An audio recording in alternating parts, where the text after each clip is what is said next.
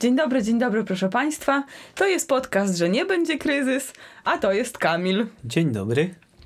Znowu mam przyjemność porozmawiać z Kamilem Andruszem i dzisiaj będziemy rozmawiać o project managementie, ponieważ tak się zupełnie nie przypadkiem złożyło, że obydwoje jesteśmy project managerami. Różnica jest taka, że ja jestem zupełnym świeżakiem y, z marnym certyfikatem IPMA Student, a Kamil jest y, całkiem nieświeżakiem.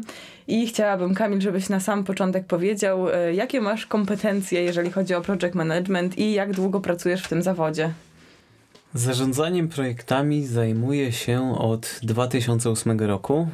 Mm, pracuję dla firmy, która jest e, dostawcą rozwiązań telekomunikacyjnych dla dużych firm telekomunikacyjnych. Tak to trochę na okrętkę powiedzmy. Jeżeli chodzi o certyfikaty, zdawałeś na przykład IPME, prawda? Tak, przygotowywałem się do IPMC, ale wtedy jeszcze nie miałem um, wyższego wykształcenia, więc zdałem tylko IPMD. To jest ten najniższy poziom komercyjnie dostępnych certyfikatów. Okej, okay, a czy IPME Student też zdawałeś? Nie, bo to IPME jest tylko Student dla... nie, to, to jak gdyby zupełnie inny obszar. Okej, okay, a z wykształcenia jesteś? Z wykształcenia jestem magistrem prawa. Okay, I czy... licencjatem z bezpieczeństwa wewnętrznego. Mhm. Czy uważasz, że twoje wykształcenie yy, zawodowe jakoś się zazębia z tym, co robisz zawodowo, znaczy z project managementem? Zdecydowanie. E, częścią zadań, które spoczywają na project managerze jest e, analiza umów zawartych, tudzież udział w pisaniu czy tworzeniu tych umów, szczególnie z zakresu odpowiedzialności, podziału odpowiedzialności między stronami i wiedza prawnicza bardzo się w tym momencie przydaje. Okej, okay, ale wydaje mi się, że większość project managerów jednak ma wykształcenie zupełnie niezwiązane z prawem. To jest chyba taka ścieżka dosyć niestandardowa, żeby po prawie zajmować się project managementem. Czy masz inne doświadczenie? E Przyznam, że project managementem za zacząłem się zajmować zanim tak naprawdę zacząłem e, studia licencjackie nawet. Aha. Byłem tylko absolwentem, znaczy maturzystą, tak to nazwijmy, mhm. absolwentem mhm. liceum, ukończonym maturą. Rozumiem. Myślę, że nie wszyscy moi słuchacze w ogóle wiedzą, co to jest project management i to jest w ogóle taki zawód y, bardzo niesprecyzowany, wydaje mi się. Nawet teraz po tych studiach podyplomowych, które właśnie ukończyłam na Uniwersytecie Gdańskim, wydaje mi się wciąż, że project manager to jest taka osoba, która głównie musi się cechować kompetencjami miękkimi. Że kompetencje twarde są rzeczywiście przydatne, ale y, być może w jakimś tam niewielkim zakresie są niezbędnym, ale w porównaniu do innych zawodów jednak jest przewaga tych kompetencji miękkich. Czy możesz się ze mną zgodzić w tym zakresie? Zgadzam się. Wyjątkowo. Wyjątkowo. No, jestem zaszczycona. Zarządzanie projektami yy, i rola project managera to jest generalnie zbiór czynności, które prowadzą od zbudowania jakiegoś planu. Może pójdźmy na przykładzie, będzie łatwiej. Klient chce coś kupić od nas. E, my proponujemy mu jakieś konkretne rozwiązanie mhm. E, i już na tym etapie działa project manager, który działa jako koordynator tego, co się dzieje. On współpracuje z różnymi działami, z działem prawnym, z działem handlowym, ale mimo wszystko jest koordynatorem w tym procesie już i już na tym etapie za zaangażowany powinien być Oczywiście w zależności od branży mm, ten człowiek będzie się trochę inaczej nazywał, ale nazwijmy go ogólnie architektem, który planuje nasze rozwiązanie. Gdy te kwestie, no, powiedzmy, początkowe, e, komercyjne, związane ze sprzedażą i ustaleniem zakresu są już ustalone, przechodzimy do etapu realizacji. I tutaj project manager staje się właścicielem projektu. Czy tak jest zawsze? Jeżeli jest rozróżnienie na sponsora projektu i na kierownika projektu, to te role nie są tożsame, prawda? E, tak, teoretycznie tak jest. W praktyce bardzo często jest tak, że sponsor czy komitet sterujący stojący nad project managerem, zresztą w komitecie sterującym project manager powinien brać udział, tak czy owak. E, ale jest tak, że sponsor sobie jest sobie, a właścicielem wykonania projektu jest project manager. No tak. Tak zwany po polsku kierownik projektu. Tak, rzeczywiście. Okej, okay, a czy w takim razie uważasz, że e, project manager powinien znać się na branży, którą kieruje? Czy on powinien znać się na koordynowaniu? Czy powinien na przykład project manager IT mieć coś wspólnego z IT? Wiedza fachowa w danej branży pomaga, bardzo pomaga, e, ze względu na to, że pojawiają się często zagadnienia specyficzne. Mhm. E, przykładowo, jeżeli ktoś ma poprowadzić projekt y, stworzenia i rozwoju oprogramowania, to dobrze by było, żeby cokolwiek na ten temat wiedział, bo występują tam zagadnienia specyficzne, które nie występują na przykład w budownictwie, a z kolei w budownictwie znowu mamy zagadnienia, które nie występują w IT czy w innych branżach. Okej, okay, czyli jesteś za tym, żeby jednak coś wiedział, a ile to jest coś? To jest kwestia tego, na ile project manager potrafi szybko się uczyć. E, z mojego przykładu, ja project managerem zostałem w 2008 roku, technicznym project managerem. E, miałem odpowiadać poniekąd za wizję technologiczną w projekcie w dziedzinie, na której się wtedy nie znałem w ogóle. Co to było? E, to były sieci inteligentne. O! budowa sieci inteligentnych dla operatorów komórkowych. To była branża, na, znaczy to była dziedzina e, działki telekomunikacyjnej, na której się wtedy jeszcze nie znałem. Zaliczyłem podstawowy kurs e, odnośnie tego produktu, który dostarczaliśmy. No i potem tak naprawdę przeszliśmy do działania, no i trzeba było się uczyć na bieżąco. Rozumiem. I wtedy bardzo dobrze jest e, aktywnie, no w tym przypadku, zwłaszcza w branży IT, bardzo dobrze aktywnie brać udział w fazie planowania, tworzenia architektury, bo bardzo dużo można się nauczyć i potem przy kolejnych projektach jest już łatwiej. Także właśnie i no ta nauka moja trwała około 2-3 miesięcy i byłem już w stanie, mm, powiedzmy, w miarę równorzędnie rozmawiać z klientem, e, jeśli chodzi o wszystkie rzeczy związane z projektem. A czy uważasz, że te wszystkie certyfikaty i ogólnie znajomość tych kompetencji już z sensu stricto twardych jest konieczna dla project managera? Znaczy, z project managerem jest trochę tak, jak e, z ludźmi, którzy sprzątają, tak? Dla nich nie ma znaczenia absolutnie, czy sprzątają e, halę sportową, czy sprzątają biura, tak? Project manager jest dokładnie taką samą osobą. Nawet jeżeli się na danej branży nie zna, a da mu się ten czas na naukę, on zazwyczaj jest dość, dość szybki, czy dość krótki, jeżeli project manager jest doświadczony, już ma pewne narzędzia swoje zbudowane, to bardzo szybko taka osoba się wdroży. Oczywiście czasami jest tak, że do poprowadzenia projektu potrzebne są konkretne kompetencje, konkretne uprawnienia, no to wtedy wiadomo, tak? Trzeba, trzeba takie wymagania spełniać, ale ogólnie co do zasady wydaje mi się, że, że project manager jest w stanie zaadaptować się do każdej branży. A jeżeli chodzi o etap rekrutacji, to czy uważasz, że powinno się sprawdzać właśnie takie certyfikaty albo wykształcenie typowo project menedżerskie, czy na przykład patrzeć na to, czy ktoś ma skończone zarządzanie, czy właśnie prawo, które jest jakoś tam y, kompatybilne z tym, co project manager robi, czy raczej patrzeć na doświadczenie? I co w momencie, kiedy project manager nie ma wykształcenia kierunkowego, ma zrobione jakieś tam certyfikaty, ale nie ma doświadczenia? To znaczy, pójdę pod prąd, bo jestem przeciwnikiem maści wszelkich certyfikatów. Ja też. E, miałem na przykład certyfikat związany z bezpieczeństwem, z którego zrezygnowałem, bo przez te e, 12 lat, jak go posiadałem, tak naprawdę nie było z tego certyfikatu żadnych korzyści. Z bezpieczeństwem to znaczy? E, miałem taki certyfikat CISSP. Mhm. E, czyli Certified Information Systems Security Professional. Aha, okay. I zrezygnowałem z tego certyfikatu świadomie, ponieważ stwierdziłem, że tak naprawdę szkoda wydawać kasy. Rozwijam się i tak, kursy robię i tak. Nie potrzebuję certyfikatu jako bata nad sobą, żeby mm, takie kursy robić, żeby tą wiedzę rozwijać. Uważam, że dużo więcej o człowieku mówi jego doświadczenie, e, dużo więcej mówi w trakcie rozmowy można zobaczyć, czy ktoś po prostych zachowaniach, czy ktoś jest zorganizowany, czy nie jest zorganizowany. Prosty przykład.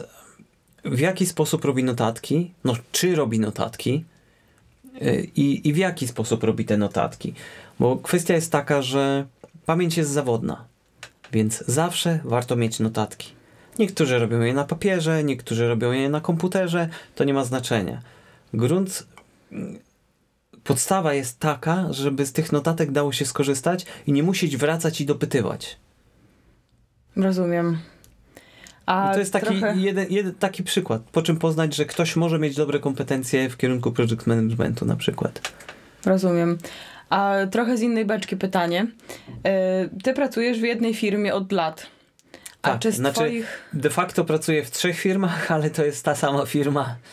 Rozumiem, ale to jest ta sama branża. Ta sama branża. Ten tak. sam obszar. Tak. A czy z Twojego doświadczenia i z Twoich obserwacji wynika, że project managerowie są właśnie zatrudnieni w jednej firmie na stałe i oni tam są? Czy raczej na przykład są e, angażowani do konkretnych projektów, do konkretnych firm? Czy na przykład project manager może być freelancerem? O, właściwie o to mi Jak chodziło. najbardziej może być freelancerem. E, Bardzo często są takie sytuacje, że project managerowie pracują na własnej działalności i wynajmują się do konkretnych projektów. Czy znasz takie osoby osobiście? Znam, znam. To musi być chyba bardzo all-rounder taki człowiek. Znaczy to zazwyczaj są ludzie, którzy są ogarnięci, no tak jak pro- project manager powinien być. E, Generalnie bardzo istotną rzeczą, jeśli chodzi o project management, to jest uniknąć tak zwanego działactwa. Rozwiń. Jest tak, że jak przygotowujemy projekt, to trochę e, odeszliśmy od tego, co zacząłem mówić o project managementie na samym początku. Jak przygotowujemy projekt, to trzeba to wszystko przemyśleć, zanim się zacznie działać. Czyli trzeba usiąść na rękach, żeby nas te ręce nie, świerbiły, nie świerzbiły, żeby tam coś gmerać w klawiaturze, już coś pisać, już coś zamawiać. Tylko trzeba najpierw usiąść, przemyśleć temat, poszukać wszystkich możliwych ryzyk, które nam na tym etapie przychodzą, skonsultować się z innymi, czy widzą jakieś ryzyka, czy widzą jakieś potencjalne problemy już teraz na starcie, które trzeba uwzględnić i tak dalej, i tak dalej. A z innymi, to znaczy z zespołem, z kierownictwem, z innymi ludźmi z branży, to nie zawsze jest możliwe, to akurat to ostatnie. Nawet z klientem. Okej. Bo klient e, najczęściej zna swoje środowisko, wie co u niego, co i jak u niego działa i ma doświadczenie w tym, więc będzie wiedział, co się dzieje, jakie problemy można napotkać. Albo jakie problemy były napotkane na poprzednich projektach. Bardzo istotnym jest to, żeby korzystać z lekcji wyciągniętych z wcześniejszych projektów, czy własnych y, w danej branży, czy klienta, czy nawet kolegów. Bo jak, jak jesteśmy wynajęci jako project manager, to zazwyczaj przez jakąś organizację, przez jakąś firmę. I wtedy korzystajmy z wiedzy tej firmy. To Tak, żaden, oczywiście. wstyd, żaden wstyd o tym porozmawiać, a lepiej wszystko mieć przemyślane, lepiej zawczasu zidentyfikować na przykład problemy z dostawami, które mogą się pojawić. Teraz mamy temat koronawirusa. Bardzo dużo mm, problemów powstało, jeśli o do, chodzi o dostawy z Chin. Tak. Tak? I chodzi o to, żeby takie rzeczy uwzględniać. Pamiętam przy wybuchu wulkanu e, na Islandii, nie podejmuję się powiedzieć nazwy, e, było tak, że duża część ruchu lotniczego w Europie została uziemiona. Mhm. I dostarczenie e, sprzętu, który zazwyczaj dostarczany był samolotem, było problematyczne. I ci, którzy byli zapobiegliwi i przewidzieli, że okej, okay, wybucha wulkan, czasami dzieje się tak, y, że uziemiają samoloty, co można zrobić? Rezerwuję sobie ciężarówkę na wszelki wypadek. Jedną, dwie, osiem, zależy ile tego sprzętu jest. I nagle się okazało, że w całej Europie firmy transportowe miały po prostu przebukowane, były, nie, nie miały wolnych ciężarówek, nie było wolnego miejsca w ciężarówkach, żeby cokolwiek przewieźć. Mhm. No tak, ale przewidywanie takich ryzyk, jeżeli jesteś zbyt zapobiegliwy, to możesz wyjść na takiego prepersa, który wymyśla jakieś ryzyka z dupy. No cóż to dużo ale, mówić. ale właśnie na tym polega analiza ryzyka, że trzeba zidentyfikować wszystkie potencjalne ryzyka, nawet te najbardziej wydumane i oszacować ich prawdopodobieństwo. I skupić się na tych, które mogą się ujawnić. Mhm. Nie na tych, które, e, na tych najmniej prawdopodobnych, tak, że meteoryt przywali nam tutaj i, i zaraz nie będzie niczego i trzeba będzie wszystko budować od podstaw.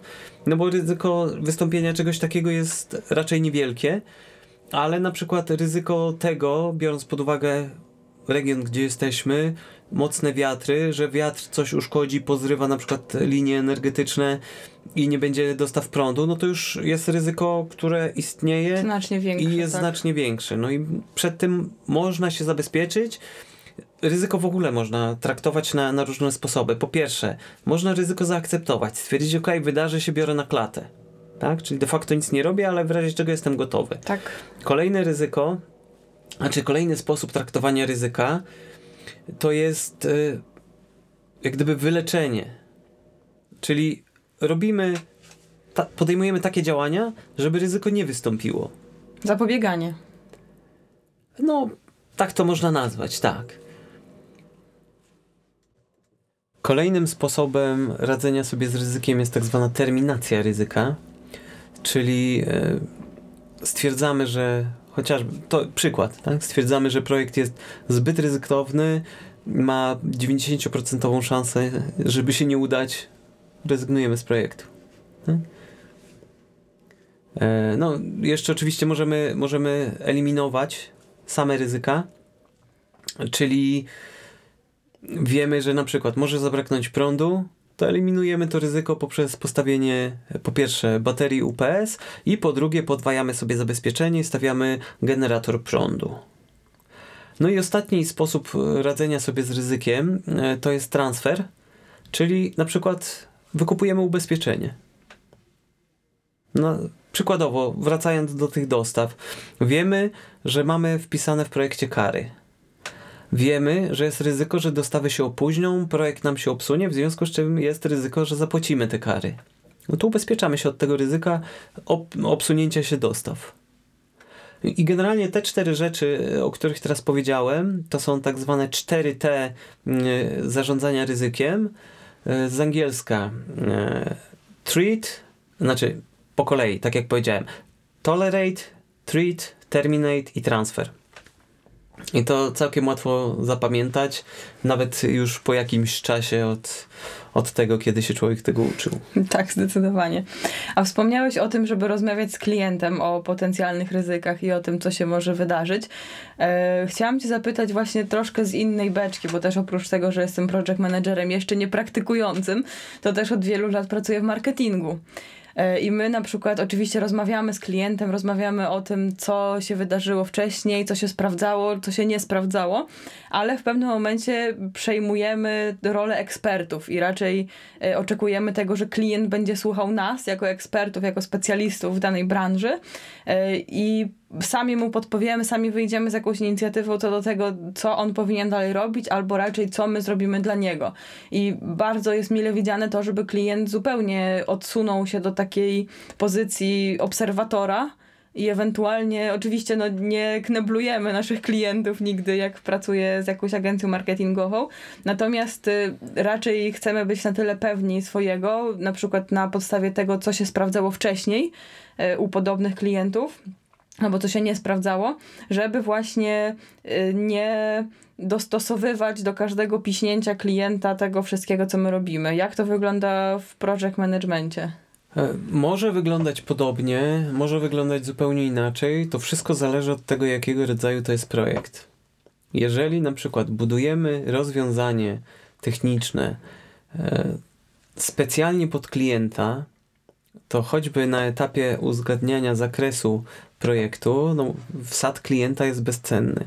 Potem na etapie, jak gdyby, jak już klient wyrazi, jakie są jego oczekiwania, przygotowujemy architekturę i architekturę klient musi zaaprobować, bo to będzie u, u klienta działało. Tak. tak. Ja nawiązuję cały czas jak gdyby do tego, jak to wygląda w mojej branży tele telekomunikacyjnej, ale w bardzo dużej ilości branż to tak wygląda. Potem przechodzimy do etapu implementacji, jak już mamy projekt zrobiony, no i przygotowujemy rozwiązania software'owe, sprzętowe i idziemy z tym do klienta. Chcemy to teraz zintegrować z siecią klienta. Udział klienta jest w tym absolutnie konieczny, ponieważ po drugiej stronie są urządzenia i sieć klienta, tak? Więc my musimy się wpasować w istniejącą sieć, nawet jeżeli powiedzmy podmieniamy jakąś część sieci na nowszą generację czy na inny produkt, to i tak i tak musimy się zintegrować z całym otoczeniem. W związku z czym współpraca z klientem cały czas jest kluczowa. Aczkolwiek są projekty też takie, na przykład klient mówi, chcę budynek pięciopiętrowy, który spełnia takie, takie, takie, takie, takie parametry. Tu macie projekt od architekta, wy to macie zbudować. Mhm. I wtedy to wygląda trochę inaczej, no bo tego etapu powiedzmy konsultacyjnego jest mniej, czy może być mniej. Bo zdarzają się klienci, którzy według starej metody ufam, ale sprawdzam, cały czas wiszą nam nad głową. Mhm. A propos wiszenia nad głową, od razu ciekawostka, znaczy ciekawostka, taka rzecz, moja obserwacja. Nie można uprawiać jako project manager mikromanagementu. Czyli nie jako project manager jedna z pierwszych rzeczy, której trzeba się nauczyć, to jest to, że nie jesteśmy w stanie sami dopilnować wszystkiego. Trzeba nauczyć się delegowania zadań i zdobyć się na zaufanie wobec swoich, swoich współpracowników. Czy na jakimś przykładzie możemy to opowiedzieć? Możemy opowiedzieć to e, na moim przykładzie, gdzie jeszcze pracowałem jako konsultant. Miałem project managera, który właśnie był takim mikromanagerem. E, I w pewnym momencie to doprowadziło do konfliktu między nami. Bo miałem 3-4 razy dziennie telefon z pytaniem, jak mi idzie, co robię, i miałem się spowiadać ze wszystkich najdrobniejszych rzeczy, które zrobiłem. Oprócz tego y, były jeszcze maile w dokładnie tym samym temacie i doszło do tego, że większość dnia spędzałem tłumacząc się z tego, co robię, zamiast wykonywać faktyczną robotę. No tak, to jest absurd. To chyba wynika troszkę z takiego braku doświadczenia i nadgorliwości project managera, któremu bardzo zależy, żeby wszystko było zrobione, ale nie bardzo potrafi właśnie sobie obliczyć, no bo to jest jednak jego robota właśnie to pilnowanie ludzi, tylko że nie zdaje sobie chyba sprawy z tego, że jednak ludzie pracują, a nie tylko się spowiadają project managerowi. Tak jest i oprócz tego taki objaw tego micromanagementu pojawia się bardzo często u ludzi, którzy są awansowani pionowo z ludzi, którzy byli techniczni. Project manager ma cały czas wrażenie, że on wie najlepiej jak pewne rzeczy były, powinny być zrobione i najlepiej byłoby jakby on sam je zrobił, no ale jest project managerem, to nie może i musi komuś to oddać. Rozumiem, czyli I, chciałby i... być ośmiornicą, ale nie jest to możliwe tak, technicznie. Tak, tak i, i właśnie on jako że nie może sam tego robić, ale wie jak najlepiej to zrobić, no to cały czas wysyła, znaczy wysyła wiadomości, dzwoni, nachodzi da, daną osobę i pyta, pyta, pyta, pyta, pyta, a jak ktoś ma inny pomysł, to project manager taki bardzo często z definicji od razu się nie zgadza z tym. Mówi nie, to nie jest dobry sposób na zrobienie tego. No właśnie, a czy project manager może albo powinien narzucać swoje rozwiązanie, jeżeli jest do nich przekonany, czy powinien bardziej skupić się na tym, czego chce klient, sponsor albo zespół? To jest pytanie z kategorii trudnych i nietrudnych zarazem. Bo project manager z jednej strony nie powinien narzucać wszystkim swojej woli, aczkolwiek, no właśnie, tu też mamy problem pod tytułem podejmowanie decyzji, czyli decyzję project manager podejmuje jednoosobowo. To jest jego odpowiedzialność podjęcie decyzji, nie może tego wydelegować, nie może przeprowadzać jakichś demokratycznych wyborów, głosowań i tak dalej, bo to jest project manager, rolą project managera jest podejmowanie decyzji.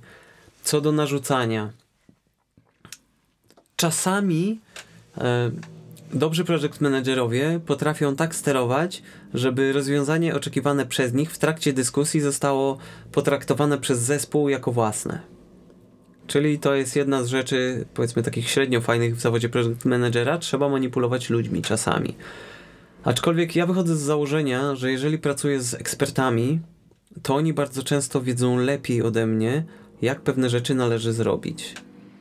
No właśnie, i czy ty wtedy musisz przyznać im rację i stwierdzić, że okej, okay, oni są wyżej w jakiejś technologii albo w jakimś tam sposobie myślenia, który jest dostosowany do branży i robisz tak, jak oni chcą, czy raczej musisz być przekonany ty, jako ty, do na przykład zastosowania jakiejś technologii? No, to jest kwestia tego, jak dobieramy sobie zespół. No ja, właśnie, i tutaj ja, ja kolejne zagadnienie z założenia, się pojawia, tak. Wychodzę z założenia, że ludzie, z którymi pracuję, są ekspertami w swojej dziedzinie. Mhm. I jeżeli są ekspertami w swojej dziedzinie, to z natury rzeczy są mądrzejsi ode mnie. Mhm.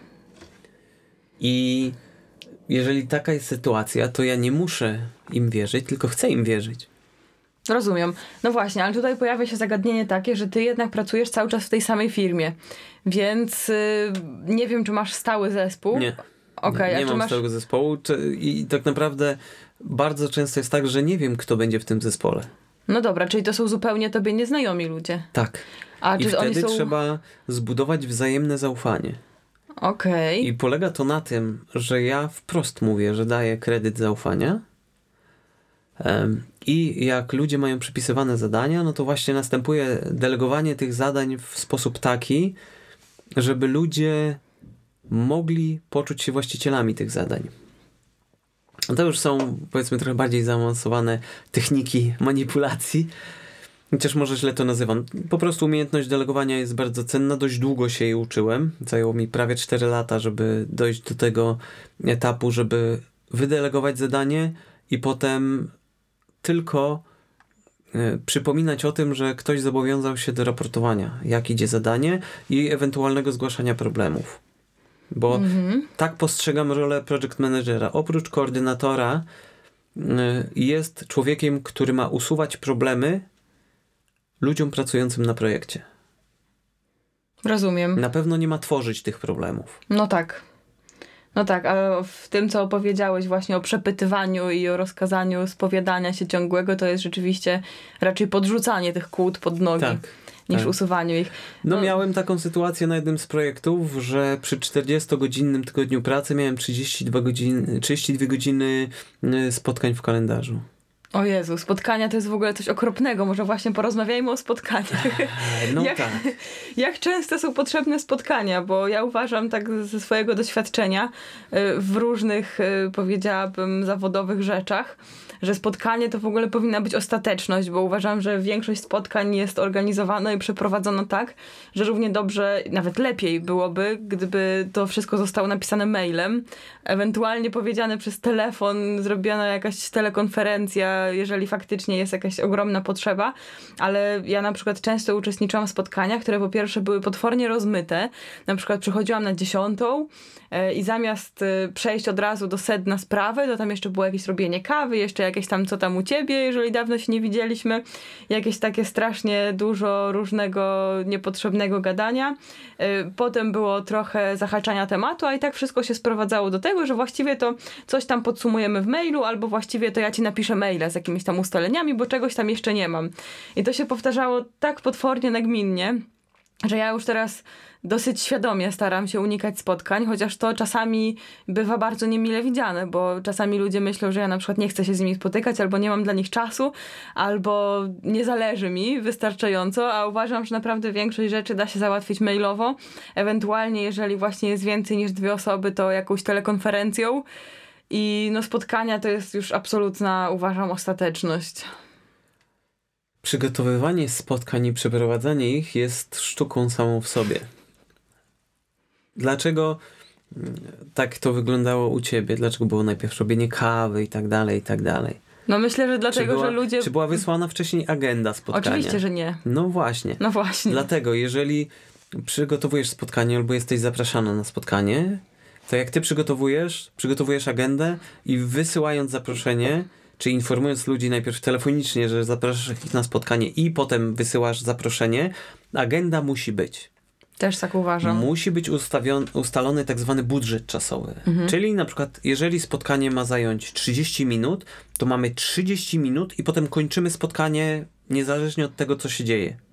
Tak. No przyznam, że raz w życiu udało mi się pracować z klientem w taki sposób, że umawialiśmy się na przykład na e, omówienie dokładnie opisanego zakresu od 20 do na przykład 20.30 i faktycznie zdwanialiśmy się równo o 20 i o 20.30 kończyliśmy. I to wcale nie dlatego, że o, zobacz, wybiła 20.30, no to nara, tylko po prostu wszystko zostało omówione, bo tak byliśmy w stanie fajnie sobie agendę stworzyć, że nie było tego ani za mało, ani za dużo. Było wystarczająco wystarczająco dużo czasu, żebym jeszcze dopytała o coś, albo żeby on dopytał. E, tak naprawdę, no a jeszcze jakieś tam drobne uprzejmości, typu co u ciebie, u mnie wszystko spoko. Wszystko się zmieściło, także da się. No da się, ale to właśnie trzeba mieć plan spotkania, trzeba mieć realistycznie oszacowany ten budżet na spotkanie, budżet czasowy. No i trzeba się trzymać agendy. Jeżeli odpływamy od tematu, zaczynają się jakieś dygresje, bardzo przepraszam, jesteśmy na spotkaniu, musimy omówić te rzeczy, jeśli zostanie nam czas, możemy sobie pogadać jeszcze na koniec. Tak. I to jest I to dotyczy zarówno, dosyć. zarówno spotkań, e, gdzie spotykamy się w jednym pomieszczeniu, telekonferencji, czy jakichś e, webinarów i tak dalej. Tak. Po prostu trzeba mieć pewną dyscyplinę. Jeżeli jest się prowadzącym spotkanie, to trzeba tą dyscyplinę wdrożyć, trzeba, trzeba być tym strażnikiem czasu, strażnikiem tematu.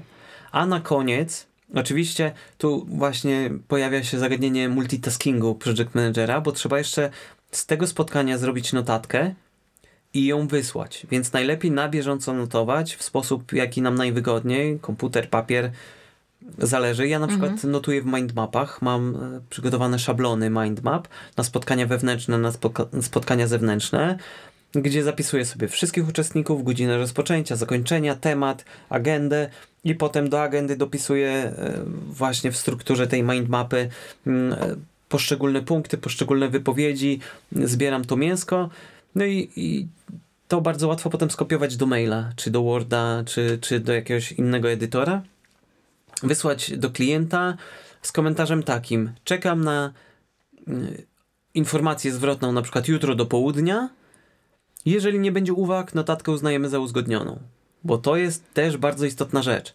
Gdzieś później kiedyś ktoś nam wyciągnie, że ale przecież pewnej rzeczy nie ustaliliśmy. A my wtedy cyk, notatka ze spotkania i mówimy 23 lutego 2020 roku na spotkaniu padły takie i takie słowa. Był wysłany mail, była wysłana e, formułka, informacja, że jeżeli nie ma uwag, to ustalamy za uzgodnioną i nikt nie zgłosił uwag, w związku z czym notatka w tym brzmieniu stała się formalnym dokumentem w projekcie. Mhm. No dobra, a w takim razie takie rzeczy chyba też musisz ustalać na samym początku, prawda? No tak, tak.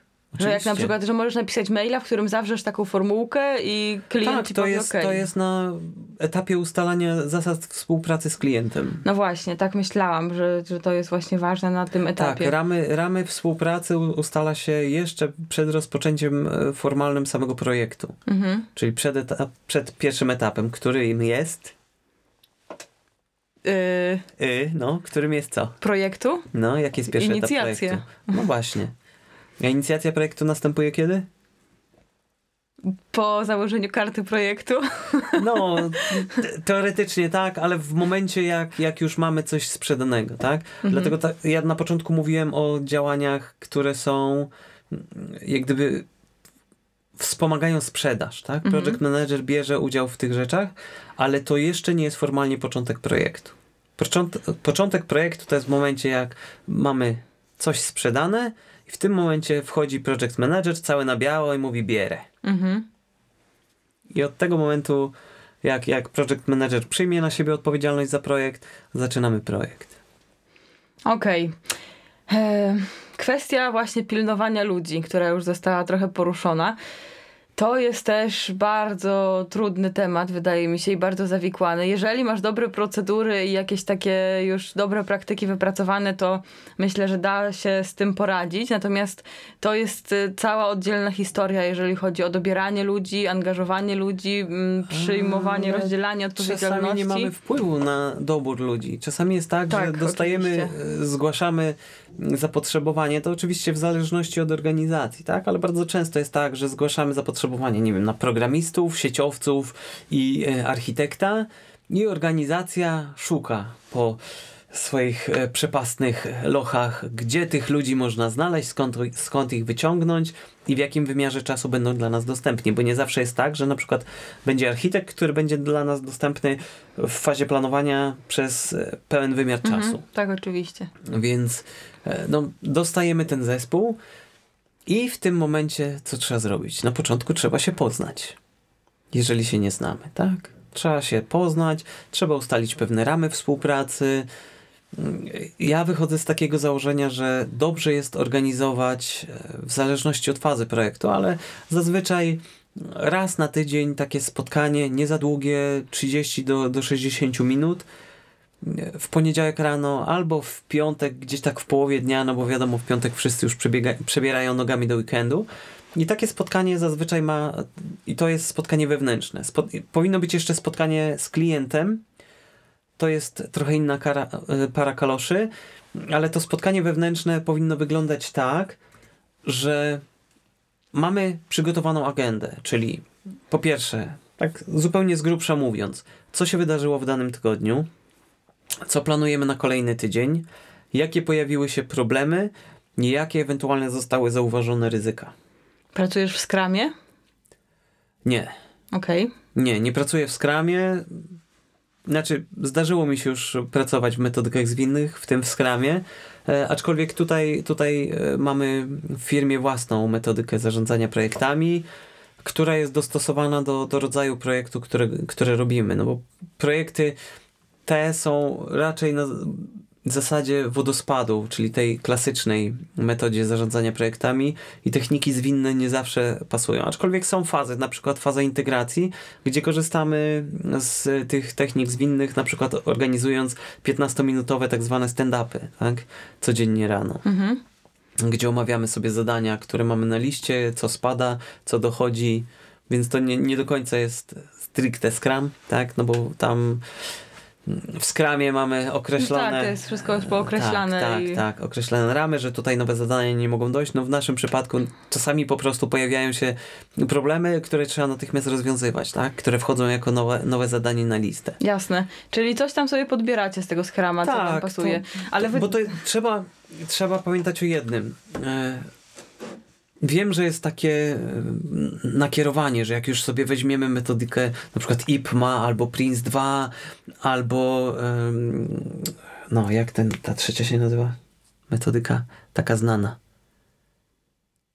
PMI. A, no. Mm, no uciekło mi. Ale generalnie jest ten PM, PM PMI, tak, e, PM Book I, i to niezależnie od tego, jaką metodykę wybierzemy, to nie jest najważniejsze, żeby trzymać się tej metodyki e, z uporem godnym lepszej no sprawy. No tak mi się właśnie Trzeba wydaje. dobrać coś, co pasuje do naszej sytuacji, do naszego zespołu, do naszego klienta. Trzeba być elastycznym. Oczywiście. Ale pewne ramy są jak gdyby, czy pewne rzeczy, pewne kroki są niepomijalne, tak? Trzeba projekt zaplanować, no to jest pewne.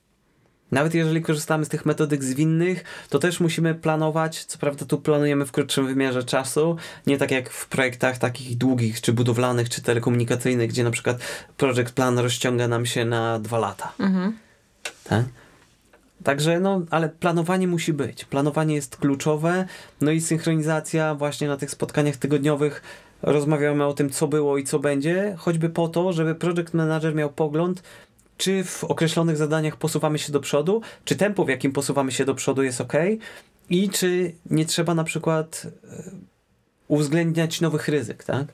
Generalnie zawsze jest tak, że klient ciśnie, żeby było jak najkrócej. Project manager e, i dostawca zazwyczaj cisną, żeby było jak najdłużej, żeby mieć bufory na wszelki wypadek. No i trzeba umiejętnie umieć bronić swojej pozycji jako project manager, żeby pewne czasy trwania, jeśli chodzi o zadania, e, obronić. Tak? Mhm. I bardzo często dochodzi do tego, że klient mówi, no dobrze, ale tu macie w takim jednym wielkim bloku testy integracyjne i to trwa powiedzmy dwa miesiące. No ale co w tym bloku jest?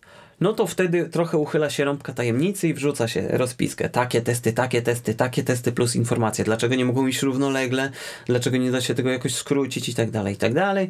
No to można no też taka... rozpisać wszystko dosyć ładnie, no nie? Można rozpisać, ale z doświadczenia nie chcemy e, wchodzić w zbyt e, wysoki poziom szczegółowości harmonogramu, mhm. bo jak dojdziemy do zadań długości typu dzień albo nawet parę godzin, to będziemy z tego potem rozliczani.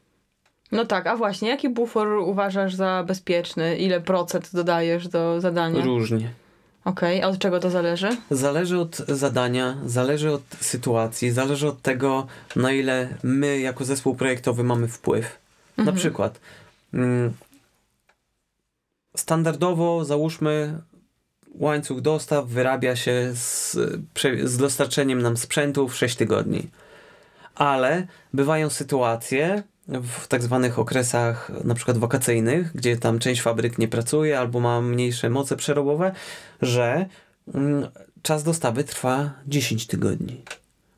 No i patrzę sobie na e, harmonogram, gdzie ląduję z tą dostawą, na ile jest szansa, że mi się to przesunie na przykład w okres wakacyjny.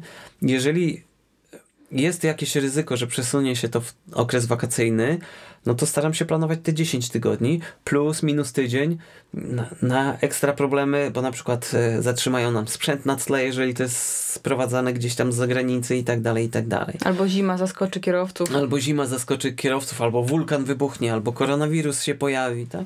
Więc no pewnych rzeczy nie jesteśmy w stanie zaplanować od razu, ale wiemy, że może wystąpić ryzyko obsługi dostawy, w związku z czym planujemy jakiś tam bufor. Mhm. A jeżeli to jest zadanie na przykład, gdzie to jest kompletnie standardowe zadanie takie, że nie wiem, instalacja, skonfigurowanie switcha, gdzie mam człowieka i wiem, że jakkolwiek skomplikowane zadanie by to nie było, jakkolwiek skomplikowana sytuacja by to nie była, to on mi to zrobi w tydzień z przetestowaniem.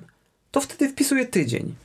Nie Wpisuję tydzień już. I zazwyczaj ten człowiek i tak wyrabia się w 3-4 dni. Mhm. Tak? Mamy jeszcze dwa dni bufora na wszelki wypadek, jakby pojawiły się problemy na styku właśnie z siecią klienta.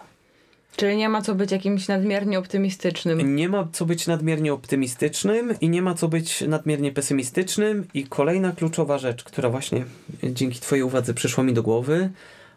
Zawsze, ale to zawsze trzeba spisywać założenia do harmonogramu i najlepiej umieścić je w notatkach w samym harmonogramie. Bo znałem takiego pro, project managera, który miał powiedzenie: założenia to przekleństwo. Mhm. Dlatego, że jeżeli porozmawiamy o nich na spotkaniu, nawet wrzucimy je w notatkę, to bardzo szybko wszyscy o nich zapominają. I mówią, no ale mieliście zrobić to w tydzień. Mhm. Nie wiem, no tak, ale założenia były takie. Dostarczacie nam wszystkie informacje, sprzęt jest dostępny Aha. i interfejsy, interfejsy po waszej stronie są gotowe. Myśmy mieli sprzęt, ale nie mieliśmy informacji, nie mieliśmy wystawionych interfejsów. Nie mogło trwać tydzień, bo straciliśmy półtora tygodnia, żeby te rzeczy ustalić. Tak, znam to doskonale i na szczęście mam różne założenia w maila, ale na przykład No właśnie, a jak się- robisz harmonogram, to jest miejsce na notatki do danego Tak, zadania tak, i tak. wpisujesz po prostu wprost założenia i z punktów. To nie musi być jakieś, jakaś epopeja, ale punkty główne, jeśli chodzi o to, co musi być dostarczone. Co więcej, ja doszedłem do takiego etapu, że część tych rzeczy, które da się sformy, sfor, e, sformułować jako kamienie milowe w projekcie, wpisuję jako kamienie milowe i od spełnienia tych kamieni milowych zależą następne zadania. Mhm. Tak, no widzę sama po sobie, że to jest super ważne, bo dokładnie z takim problemem się teraz stykam, No właśnie. że coś miało trwać z mojej strony 8 dni roboczych, a trwa już chyba z 4 tygodnie, bo cały czas nie mam dostarczonych wszystkich zasobów, które muszę mieć, żeby wykonać swoją pracę. I to jest właśnie coś, o czym ty też chciałabym porozmawiać z tobą, bo ja cały czas y, trudno mi jest uwierzyć w to, że to się tak dzieje, że generalnie nie chciałabym tutaj mówić o jakichś konkretnych przykładach, ale ciągle się właśnie stykam z tym, że coś ma zostać dostarczone i to bardzo długo nie zostaje dostarczone, albo że ktoś się zobowiązuje, żeby coś zrobić i tego nie robi. I to jest dla mnie absolutnie nie do uwierzenia. I jak y, patrzę właśnie na project managerów, to oni muszą takie rzeczy po pierwsze przewidywać, po drugie jakoś tych ludzi pilnować i nie daj Boże motywować. Ja niestety nie wiem, czy byłabym dobrym project managerem, bo ja wychodzę z założenia, że jeżeli człowiek ma jakąś robotę do zrobienia, to po prostu ją zrobi. I cały czas jestem zaskoczona po prostu jak takie dziecko naiwne, że to tak wcale nie działa. No, to tak nie działa i założenie, że jak ktoś coś dostanie do zrobienia, to to zrobi, No właśnie. to bierzesz z tego, jak ty pracujesz. Tak. A są ludzie, którzy w ten sposób się nie zachowują. Na przykład jest tak, że ktoś dostaje zadanie, które nie jest dla niego, jak to się e, popularnie mówi, seksowne. Mhm. No ale nie to jara można go, nie jest fajne, zakomunikować jest nudne. zawsze. No, zakomunikować. No właśnie, ale jak powiedzieć proje- project managerowi, który do ciebie przychodzi i mówi słuchaj, mam dla ciebie takie i takie zadanie. To co, zrobisz smurfa marudy? Nie, to jest niefajne. W ogóle weź se znajdź kogoś innego. No, trudno mi powiedzieć, co ja bym zrobiła, bo no tak, ja nigdy nie byłam w takiej sytuacji. Ewentualnie mogę mówić o tym, co miałam, nie wiem, w liceum, jak mi jakieś zadanie nie pasowało, albo na studiach i zwykle znajdowałam jakąś taką drogę na okrętkę, żeby jednak to zrobić, ale tak małym kosztem, żeby nie zamęczyć się tym. No właśnie, tylko przy projekcie, jeżeli zrobisz to na okrętkę i małym kosztem, pytanie, czy będzie to odpowiedniej jakości, No żeby tak, spełniało standardy oczekiwane, nie? Mhm. Więc ważną rzeczą jest umiejętne delegowanie zadań. No tak, ale oczywiście powiedzmy, nie wiem, w mojej pracy copywritersko-redaktorskiej, no to mogę powiedzieć, że na przykład 85% pracy jest dla mnie super sexy i fajnych i y, strasznie dobrze się zawsze bawię robiąc to wszystko.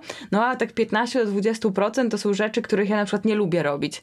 No ale wiem, że muszą być zrobione i że no, trzeba po prostu zagryźć zęby i to zrobić najlepiej jak najszybciej. No tak, ale to ty to wiesz, a nie każdy, kto dostanie od ciebie zadanie, to wie. Dlatego jest, e, Stephen Covey pokazuje mm, pięć takich punktów, jeśli chodzi o delegowanie zadań, które są bardzo istotne. Pierwsze to jest ustalenie czy uzyskanie wzajemnego zrozumienia tego, co trzeba zrobić. Tak? No dobra, Jakie czyli- są oczekiwane rezultaty? Okej, ale kurczę, bo ja wiem, znaczy wyobrażam sobie, jak to powinno wyglądać w idealnym świecie. Znaczy ja deleguję jakieś zadanie do ciebie i mówię A, B, C, D, F, G, H, I, J, K i tak dalej, i tak dalej.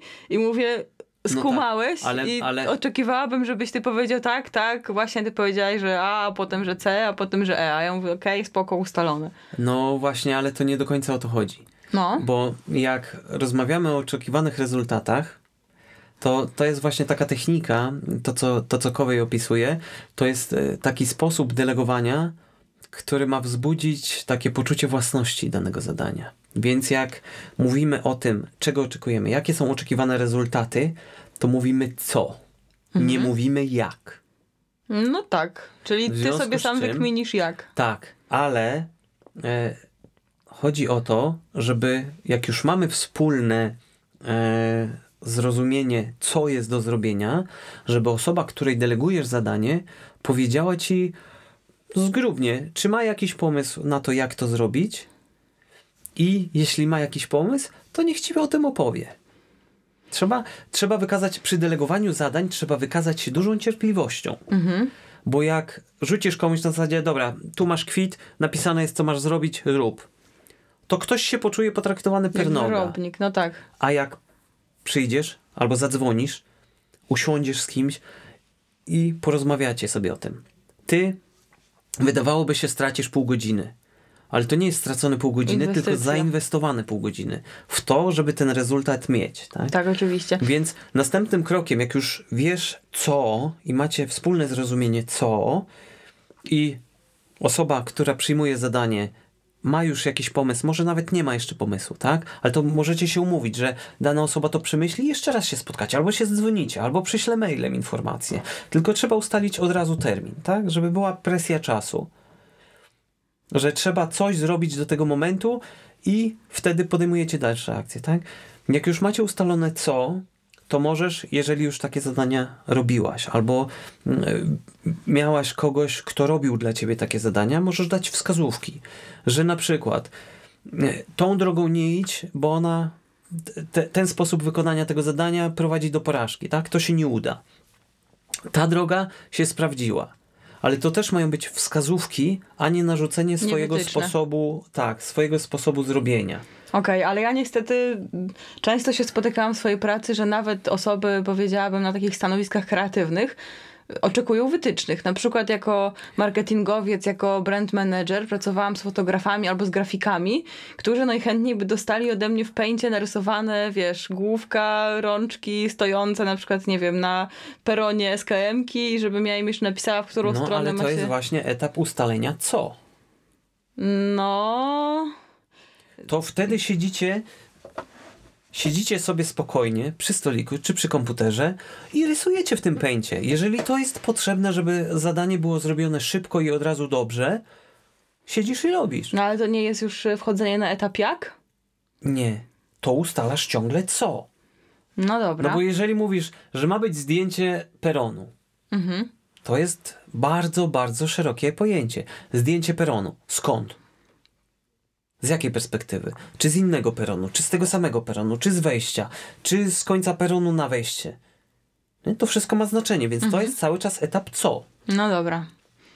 I jeżeli ktoś, żeby zrozumieć, czego od niego oczekujesz, co to jest to, co, co ma by, które ma być dostarczone, to siedzisz, wykazujesz się cierpliwością, tak jak powiedziałem, i nawet jeżeli to wymaga narysowania w pęcie, to rysujecie w pęcie. Okej. Czyli mamy już dwa etapy, tak? Określenie co, oczekiwane rezultaty, mamy wskazówki. Wskazówki, ale nie rozkazy, nakazy, tak? E, Trzeci etap to są zasoby. Co jest danej osobie potrzebne, żeby mogła zadanie zrealizować? Na przykład potrzebuje gdzieś pojechać. Może to jest voucher na taksówkę, może bilet na samolot. Może jakiś sprzęt, może jakiś statyw, którego nie ma. Tak? Może jakaś aplikacja. I rozmawiasz o tym z tą osobą, i ona ci artykułuje te potrzeby. Co więcej, ten temat tak naprawdę się nie zamyka przy oddelegowaniu zadania, bo trzeba powiedzieć od razu: słuchaj, jeżeli coś jeszcze będzie potrzebne, dzwoń, pisz, spotykaj się ze mną, będziemy o tym rozmawiać. Musisz pokazać danej osobie, delegując zadanie, że ty tu jesteś po to, żeby jej pomóc, mhm. żeby usunąć wszelkie problemy, żeby ta osoba komfortowo mogła zadanie swoje wykonać. Czwarty etap to jest ustalenie odpowiedzialności, czy jak gdyby rozliczenie. Na, na jakim etapie i w jaki sposób nastąpi rozliczenie danego zadania. Czyli ustalamy sobie na przykład standard, jeśli chodzi o wykonanie danej pracy, ustalamy sobie y, czas, tak? Możemy ustalić też budżet, który mamy na to zadanie. Tak? Przy współpracy z fotografem bardzo często jest tak, że no, masz jakiś tam budżet i czasowy, i finansowy, i sobie to sobie omawiacie i omawiacie kryterium odbioru. Czyli jak wiecie jest co, jak macie ustalony standard, to na końcu mówi, ustalacie, potwierdzacie sobie, że taki standard ma być w takim czasie i dokładnie spełniać co, czyli zakres, który sobie omówiliśmy, tak, na który się umówiliśmy. Mhm. I jako ostatni krok pokazujesz konsekwencje które będą, jeżeli tego zadania nie uda się zrobić w terminie albo w określonej jakości. I to jest tak. Mówisz o tym, co stanie się dobrego, czyli na przykład będzie wypłacone. Na przykład, tak? Albo e, można patrzeć na to z szerszej perspektywy. Nie zablokuje się projekt. Jeżeli będzie zrobione od razu dobrze i tak dalej, to jest duża szansa, że będziemy mogli przyspieszyć projekt, a jeżeli jest projekt robiony na zasadzie success fee, tak, czyli, czyli nagrody za sukces, to może się okazać, że będzie wpadnie jakaś premia. Tak? Tego typu rzeczy. O, I do tego oczywiście również złe konsekwencje. I to mogą być konsekwencje złe dla osoby biorącej zlecenie, dla mnie jako project managera, dla firmy jako całości, dla klienta, tak? czyli też pokazujemy cały obraz. I na koniec robimy sobie po tych pięciu krokach jeszcze takie podsumowanie, czy na pewno się rozumiemy i y, jeszcze w, ustalamy sposób komunikacji mhm. regularnej, tak? Jeżeli, jeżeli to jest zadanie, które trwa dłużej niż tydzień, to warto sobie chociaż raz w tygodniu kilkuzdaniowego maila albo krótka rozmowa telefoniczna, z której project manager sporządzi notatkę, ale kilkuliniowy mail na zasadzie tak jak przy spotkaniu cotygodniowym. Co zrobiłem w tym tygodniu, co zrobię w kolejnym tygodniu, jakie mam przeszkody, problemy, chociaż problemy i przeszkody to najlepiej podkreślić, żeby zgłaszać od razu. Mhm. Im szybciej, tym lepiej, bo można wtedy coś z tym zrobić, plus jeszcze ewentualne ryzyka, które się pojawiają. Lub okazje, bo czasami pojawiają się okazje. Mhm. Niektórzy mówią, że problemy to okazje, ale w mhm. przebraniu. No tak. E, więc, więc właśnie takie, takie elementy i to ma być krótkie, naprawdę jednozdaniowe do każdego punktu. Mhm. I w ten sposób, delegując zadanie, dochodzimy do etapu, że mamy pełne zrozumienie.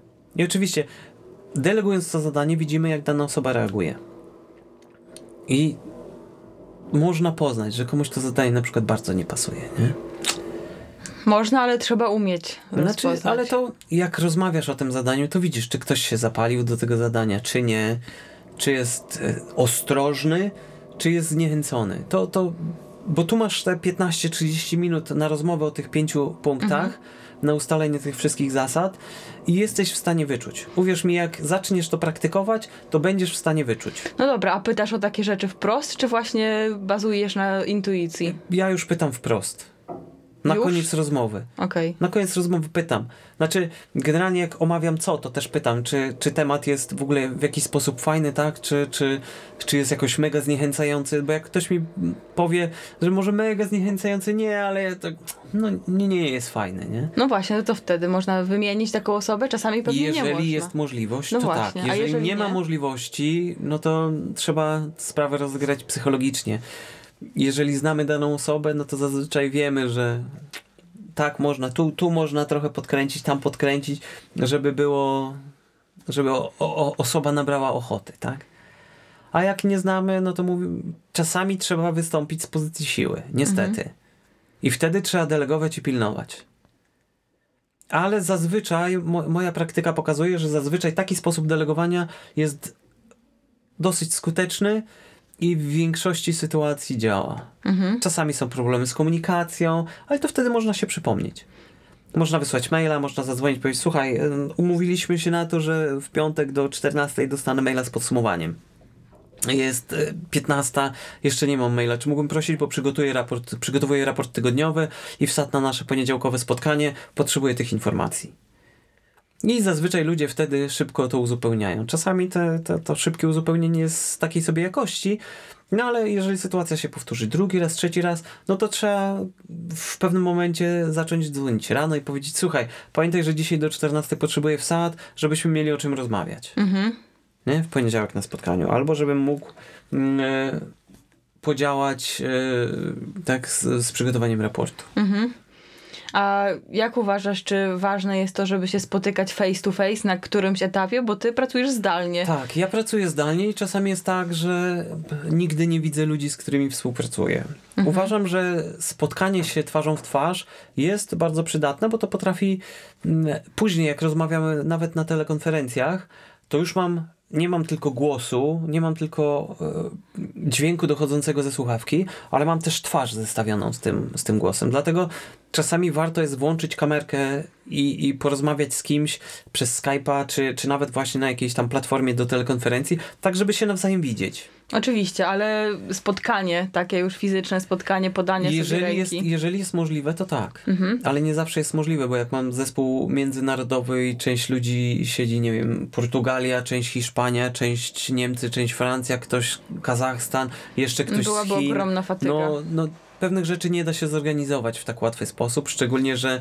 teraz we wszystkich firmach jest nacisk na cięcie kosztów, tak? mhm. na ograniczanie niepotrzebnych podróży, choćby też ze względu, oprócz ze względów finansowych, na, ze względu na ten tak zwany y, ślad węglowy, który zostawiamy. Ekotrendy. Tak, mhm. ekotrendy. No tak, ale jeżeli na przykład byłby zespół, nie wiem, w Trójmieście powiedzmy, ale wiedziałbyś, że dojechanie, zorganizowanie się każdego będzie kosztować dużo czasu i fatygi, to czy nalegałbyś na to, żeby zespół się spotykał na przykład raz w tygodniu, albo żeby chociaż się spotkał na inicjację i na zamknięcie projektu? Czy byłbyś w stanie przeprowadzić e, wszystko zdalnie i nie mieć poczucia, że coś tracisz w ten sposób? To znaczy, właśnie czy takie spotkanie, czy sesja budowania zespołu jest stratą czasu, czy jest inwestycją? No, pewnie inwestycją w większości przypadków. No ale właśnie dlatego pytam, Jeżeli, czy, bo czy czasami, czasami może być tak, że, jest, że przez zespół zostanie odebrane jako strata czasu. Mhm. W związku z czym nie zawsze należy naciskać. Trzeba, trzeba to wyczuć. Po prostu trzeba to wyczuć. Czyli jednak wracamy do kompetencji miękkich. Tak jest. No właśnie, a jeżeli na przykład chodzi o motywowanie pracowników, o pilnowanie ich i tak dalej, no to jak ich nie znasz osobiście, to jest w ogóle to super trudne. Ale czy na przykład stosujesz jakieś narzędzia takie jak y, osobowości czterech kolorów, model disk, żółci, czerwoni, niebiescy, zieloni, nie, albo nie. Y, motywowanie pracowników na podstawie tego, na jakim etapie się znajdują, czy trzeba ich wspierać i delegować im rzeczy i e, razem razem z instrukcjami. Oceniam, oceniam to zazwyczaj w trakcie rozmów. Mhm. To już jest, podejrzewam, kwestia też praktyki. No, pracuję w tym zawodzie pff, 12 lat. No tak. Kawał czasu, więc, więc już e, intuicja mi zazwyczaj dobrze podpowiada, że ktoś będzie pracował bardzo ok, z kimś mogą się pojawić jakieś problemy, a ktoś może być wybitnie anty, nie podoba mu się, że jest w tym projekcie, no ale taką mamy sytuację i musimy sobie z tym poradzić. Mhm. A czy miałeś jakieś hardkorowe przejścia z, ze współpracownikami? Mówię o członkach zespołu. E, miałem. Bywały, bywały dyskusje takie, dyskusje. No były sytuacje, że podwładny projektowy mnie wyzywał i, i od najgorszych, że się nie znam, że nie umiem i że jestem taki i owaki. No Powiem tak, w środku się zagotowałem, ale na zewnątrz chłodna, profesjonalna mina i... Poker face. Tak, i, i mówię, słuchaj, jeżeli ci się nie podoba, wystąp o zmianę y, menedżera w tym projekcie. Wystąpił? Nie, nie wystąpił. nie wystąpił. Co więcej, e, po jakimś czasie mnie przeprosił że się uniósł. No ja powiedziałem, no spoko, no zdarza się, tak? Każdy ma gorszy dzień. No on mówi tak, no akurat dziecko mi zachorowało i Mhm. po prostu byłem strasznie zestresowany, no i padło na Wyładował ciebie. się, Tak. okej, wyładował się na pierwsze Tak, ale miałem też osoby. sytuację, o której w swoim podcaście opowiadałem, że nastąpiła wymiana zespołu projektowego, całe, całego. No właśnie, czy możesz podzielił się, powiedzieć więcej na ten Zespół temat? podzielił się na frakcje, które podzieliły się na frakcje. A frakcje to był zespół zdalny? E, Znaczy, to był zespół na miejscu, wielonarodowy, duży, Mhm. no i A jak duży? Ile to było osób? w szczycie 40 osób. O Jezu. E, I, i no, było tak, że, że nawzajem zaczęli sobie rzucać kłody pod nogi. Mhm. I rozmowy dyscyplinujące, i spotkanie w, w powiedzmy w podgrupach, żeby w jakiś sposób ten kryzys rozwiązać i tak dalej. Nic nie podziałało. A jakie było źródło tego kryzysu? Jesteś w stanie określić, o co poszło? Podejrzewam, że sposób z pracy, pracy jednych nie podobał Aha. się innym. E, nie tak, znaczy, no nie dotarli się. Mhm. Bo są te cztery fazy mm, tworzenia Formowanie nie zespołu. poszło. Tak. Był, czyli z angielska forming, storming, norming i performing, tak? Czyli faza formowania, potem faza sztormu, gdzie, gdzie ścierają się osobowości i właśnie wtedy project manager musi występować w roli mediatora. Czasami musi wystąpić z pozycji siły i powiedzieć, słuchajcie panowie, nie mamy, czy panie, nie mamy innego wyjścia, musimy się dogadać.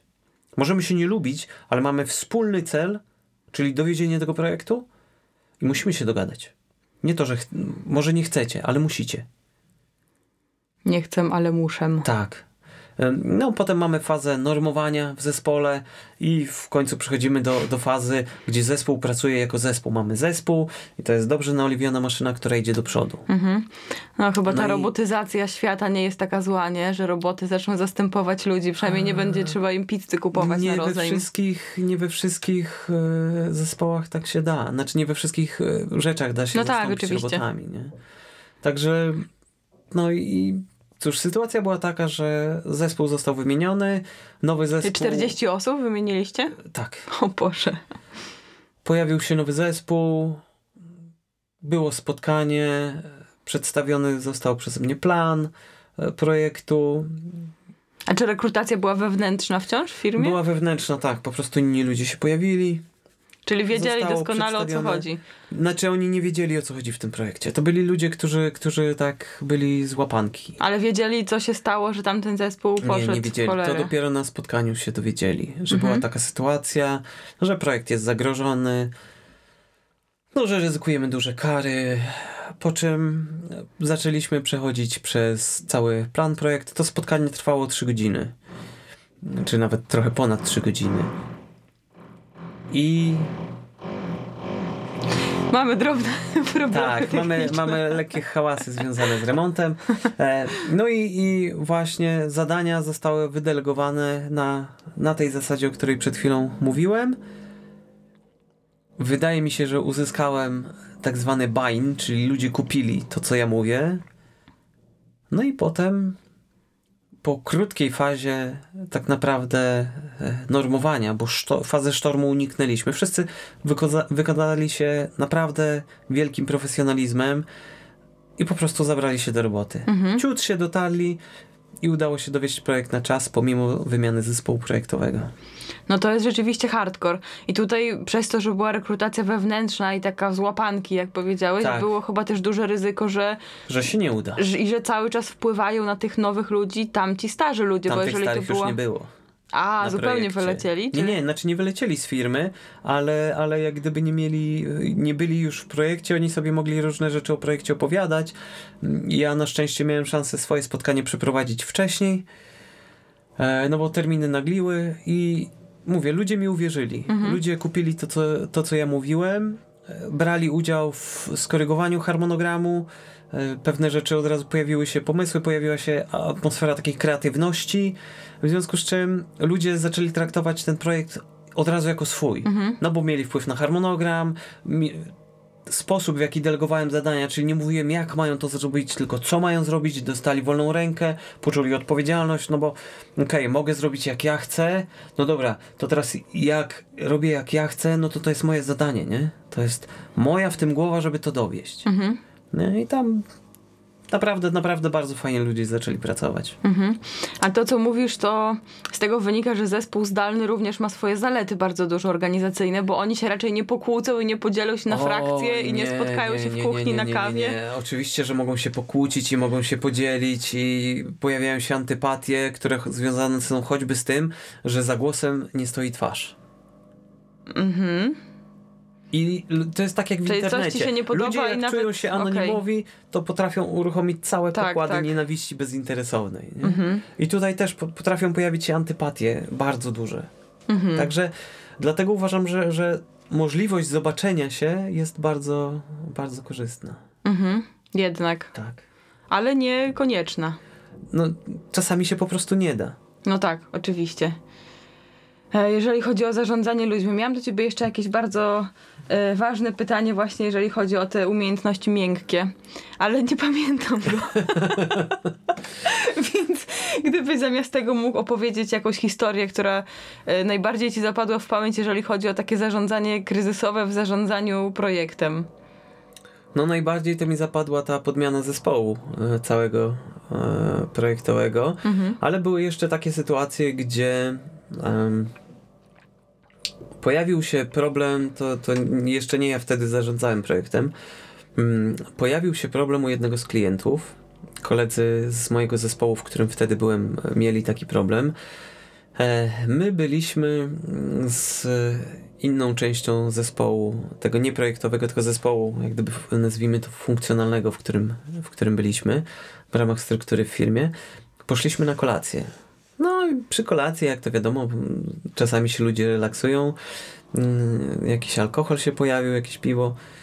No i w okolicach godziny 23, czyli już trzecia godzina, jak tam sobie siedzieliśmy w tej knajpie, dzwoni mój telefon. I koledzy mówią: Słuchaj, ratuj, mamy problem z e, systemami tutaj.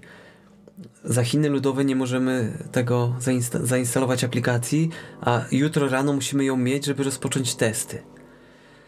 No więc niewiele myśląc powiedziałem, dobra, wołam taksówkę. No, przyjechała taksówka, koledzy przemycili mnie do klienta, żeby nikt mnie nie połąchał. W, w, w serwerowni na szczęście była klimatyzacja i było chłodno, więc z jednej strony wyciągało zapach ze mnie, z drugiej strony było mi zimno, więc szybko, szybko otrzeźwiałem. No i siedziałem prawie 4 godziny, ale aplikację zainstalowaliśmy. Jeszcze zintegrowaliśmy ją na tyle, że można było rano rozpocząć testy. No i koledzy odwieźli mnie do hotelu, żebym mógł e, odespać co nieco. Okej, no taka Także- bardzo niestandardowa sytuacja, ale No, bardzo faktycznie zarządzanie ale kryzysem. Tak, tak, tak. Właśnie koledzy, koledzy wpadli na to, że skoro ja mam takie umiejętności, to jestem w stanie im pomóc. Ja, mieliśmy tak e, zbudowany zespół. Szefem naszym był wtedy Jacek Hanusik. Jeżeli kiedykolwiek to usłyszy, bardzo serdecznie Jacka pozdrawiam. Mm, To jest dla mnie w ogóle e, taka forma odlewnicza do produkcji menedżera. To jest człowiek, który mnie ukształtował jako konsultanta i potem jako właśnie project managera, więc jestem mu naprawdę, naprawdę bardzo wdzięczny za to, co dla mnie zrobił. Myślę, że na tym moglibyśmy zakończyć, ale przypomniałam sobie to pytanie, które Okej. chciałam ci zadać przed chwilą. Będzie trudno. E, nie, nie będzie trudno. Chciałam cię zapytać o e, dawanie wytycznych, bo mówisz, że nie dajesz, nie mówisz jak ktoś ma Mhm, coś zrobić, mhm. jak, e, że co ma zrobić. Tak. A z tego co widzę, niestety niektórzy ludzie potrzebują bardzo, bardzo jasnych wytycznych Mhm. i zauważyłam w swojej nawet pracy, że ludzie czasami zupełnie inaczej chcą pracować niż ja pracuję. I Mhm. mówię o tym chociażby, że jestem koordynatorem serwisu e, w portalu trójmiasto.pl i wydawało mi się, że wszystkim będzie super pasować to, że pracujemy po pierwsze zdalnie, Mhm. że po drugie tak naprawdę ja jestem taką osobą, która doradzi, która może podrzucić jakiś pomysł, Mhm. ale nie narzuca pomysłów. Jeżeli na przykład mój dziennikarz proponuje mi temat, który już był w jakimś tam czasie niezbyt odległym, no to ja oczywiście mówię, że no ten to nie, ale może e, zajrzyjmy do tego tematu z jakiejś tam innej strony. E, zwykle nie narzucam te, też terminów realizacji, jeżeli sprawa nie jest paląca, nagląca, ale staram się układać wszystko tak, żeby nie pojawiały się sprawy naglące. I wydawało mi się, że to jest m, taka organizacja pracy, która wszystkim będzie pasować, no bo że lepiej być nie może. A okazało się, że jednak niektórzy najwyraźniej e, potrzebują właśnie po pierwsze harmonogramu, po drugie być może nawet jakichś cyklicznych spotkań i po trzecie takiego chyba troszeczkę przypilnowania. I nawet takiego powiedzenia, hej, XYZ, masz tutaj temat taki, zrealizuj go na czwartek, zawrzyj w nim to i to. I trudno mi jest cały czas wyczuć, czy to jest osoba, jakby na początku chciałabym zawsze dać taki glejt zaufania, że zrób to jak chcesz, na kiedy chcesz, o czym chcesz i tak dalej. I po prostu konsultuj na różnych etapach, żebym ja powiedziała, czy to jest w ogóle zdatne do realizacji, bo ja ogarniam cały ten serwis, więc wiem, co było robione, kiedy i tak dalej, ale no, nie byłam świadoma do pewnego czasu, że niektórzy bardzo jasnych wytycznych potrzebują i że chcą de facto pracować zupełnie inaczej niż ja. Tak bardziej, bardziej na korpo, bo ja na przykład jestem osobą zupełnie nie korpo, i jakbym pewnie poszła do korpo, do pracy, to bym po miesiącu już stwierdziła, że wyjeżdżam w Bieszczady i wszystko rzucam. Natomiast przecież jest mnóstwo osób, które świetnie się odnajdują właśnie w takiej korpostrukturze. I to oczywiście nie ma w tym absolutnie nic złego. To nie jest żadna ironia z mojej strony. Wiesz, jest tak, że ludzie potrzebują planu. Mhm. Czasami potrafią zrobić go sobie sami, tak jak ty, a czasami nie. Dlatego delegując zadanie i mówiąc co, rozmawiamy o tym, jak dana osoba chciałaby to zrobić. I z tego można zbudować plan. Można to zapisać w paru punktach i ustalić sobie, ok, to chciałabym, żebyś mi zaraportował na tym etapie, na tym etapie, na tym etapie i na tym etapie. I to wrzucamy jako kamienie milowe w naszym e, harmonogramie, nawet jeżeli to jest tylko zbiór dat e, w mailu, tak? Mhm. I oprócz tego jeszcze zawsze, ale to zawsze trzeba ustalić termin, do kiedy musi być zrobione. No tak. Bo inaczej pojawia się tak zwany syndrom studenta. Mhm. A nie ma terminu, to mogę to odłożyć, nie? Mam to do A dzisiaj. potem nagle jest y, egzamin. Znam to doskonale. No właśnie. Dlatego ale można jak dobrze pracować... wiedza wchodzi wtedy. No, Na chwilę, tak, prawda, tak. ale no na piątkę właśnie, wystarczy. Pytanie, czy wchodzi. W każdym razie jest tak, że, że ludzie bardzo często potrzebują planu i wytyczne, o których mówisz, de facto stają się tym planem, bo jak ktoś ma pomysł, jak ktoś chce zrobić po swojemu, bardzo dobrze, porozmawiajmy o tym, spiszmy główne punkty, ok, i z tego chcę mieć raport wtedy, wtedy, wtedy, wtedy. Co więcej, jak to jest osoba nowa, której jeszcze nie znasz, zadzwoń w środku tygodnia, czy w połowie do pierwszego raportu, zapytaj, potrzebujesz czegoś? Zainteresuj się po prostu. Mhm. I ludzie, ludzie wtedy też czują, że wiesz, ty się interesujesz, czy ktoś nie ma problemu i tak dalej, więc nawiązuje się taka psychologiczna nić trochę, że na zasadzie, okej, okay, no ona tak, tak się o mnie troszczy i pyta, czy czegoś potrzebuje, czy nie mam jakichś problemów, e, czy może więcej czasu będę potrzebował. No okej, okay, okej, okay, to ja spróbuję to zrobić jednak tak, jak tutaj jest, nie? Mhm. Oczywiście nie zawsze to tak działa. Czasami, tak jak mówię, czasami trzeba albo szukać sposobu na dotarcie do takiej osoby, albo wystąpić z pozycji siły i powiedzieć: Słuchaj, tu dostaję raport, jak nie, to rozwiązujemy umowę, bo znaczy, że jesteś nierzetelny. Tak? Mhm. Może tak, nie za tak. pierwszym razem, ale za drugim, trzecim, jeśli sytuacja się powtarza, ktoś nie dowozi na czas, no to pytanie, tak? Czy rozmowa dyscyplinująca pomogła? Nie, no to to może trzeba się roz... może trzeba się rozstać. Mhm. Tak, ale to jest takie, wydaje mi się, no wiadomo, to jest element białkowy, więc tak. różne rzeczy się dzieją. Tak. Ja też y, widzę ze swojego doświadczenia, że na przykład y, dwie osoby zwolniłam, powie, powiedzmy sobie szczerze, przed dostarczeniem nawet pierwszego tekstu do publikacji, bo kompletnie się nie wywiązały z naszych no, ustaleń, tak które były e-mailowe. Że ludzie nie rokują. I, tak, ale na przykład miałam też człowieka, który kilka razy nie dowiózł i to bardzo poważnie nie dowiózł i właściwie e, położył inicjatywę, nad którą mieliśmy wieloletni patronat i tak dalej, a mimo to postanowiłam no, dać mu szansę, bo właściwie nie było to dla mnie wielkim kosztem, żeby dać mu szansę, no i okazało się, że to świetnie poskutkowało, bo człowiek przeżył jakąś rezurekcję i teraz pracuje bardzo dobrze. No dlatego mówię, że trzeba zawsze dać tą drugą, trzecią szansę, żeby nie rezygnować z kogoś od razu. Mhm. No tak, chyba, że koszt byłby naprawdę horrendalnie duży, nie? To no, wtedy można się zastanawiać. Tak, wtedy można się zastanawiać, ale to, to zawsze jest przypadek indywidualny i to trzeba zawsze wziąć pod uwagę ogół okoliczności. Mhm. Bo może być tak, że ktoś dał ciała, ale generalnie jest dobrym pracownikiem i nawet jak potężnie dał ciała, to może być szkoda pozbywać się takiego pracownika. No właśnie. I, i no, w, jako project manager musisz mieć jedną świadomość jednego, nawet jako człowiek musisz mieć świadomość jednej rzeczy. Każdy może popełnić błąd. Nie myli się ten, kto nie robi nic. I tym pozytywnym robią nic? akcentem. Może się też mylić. Tak? I tym pozytywnym akcentem zakończmy te rozważania. Bardzo Ci dziękuję. Dziękuję również. Do usłyszenia. Do usłyszenia. To pa!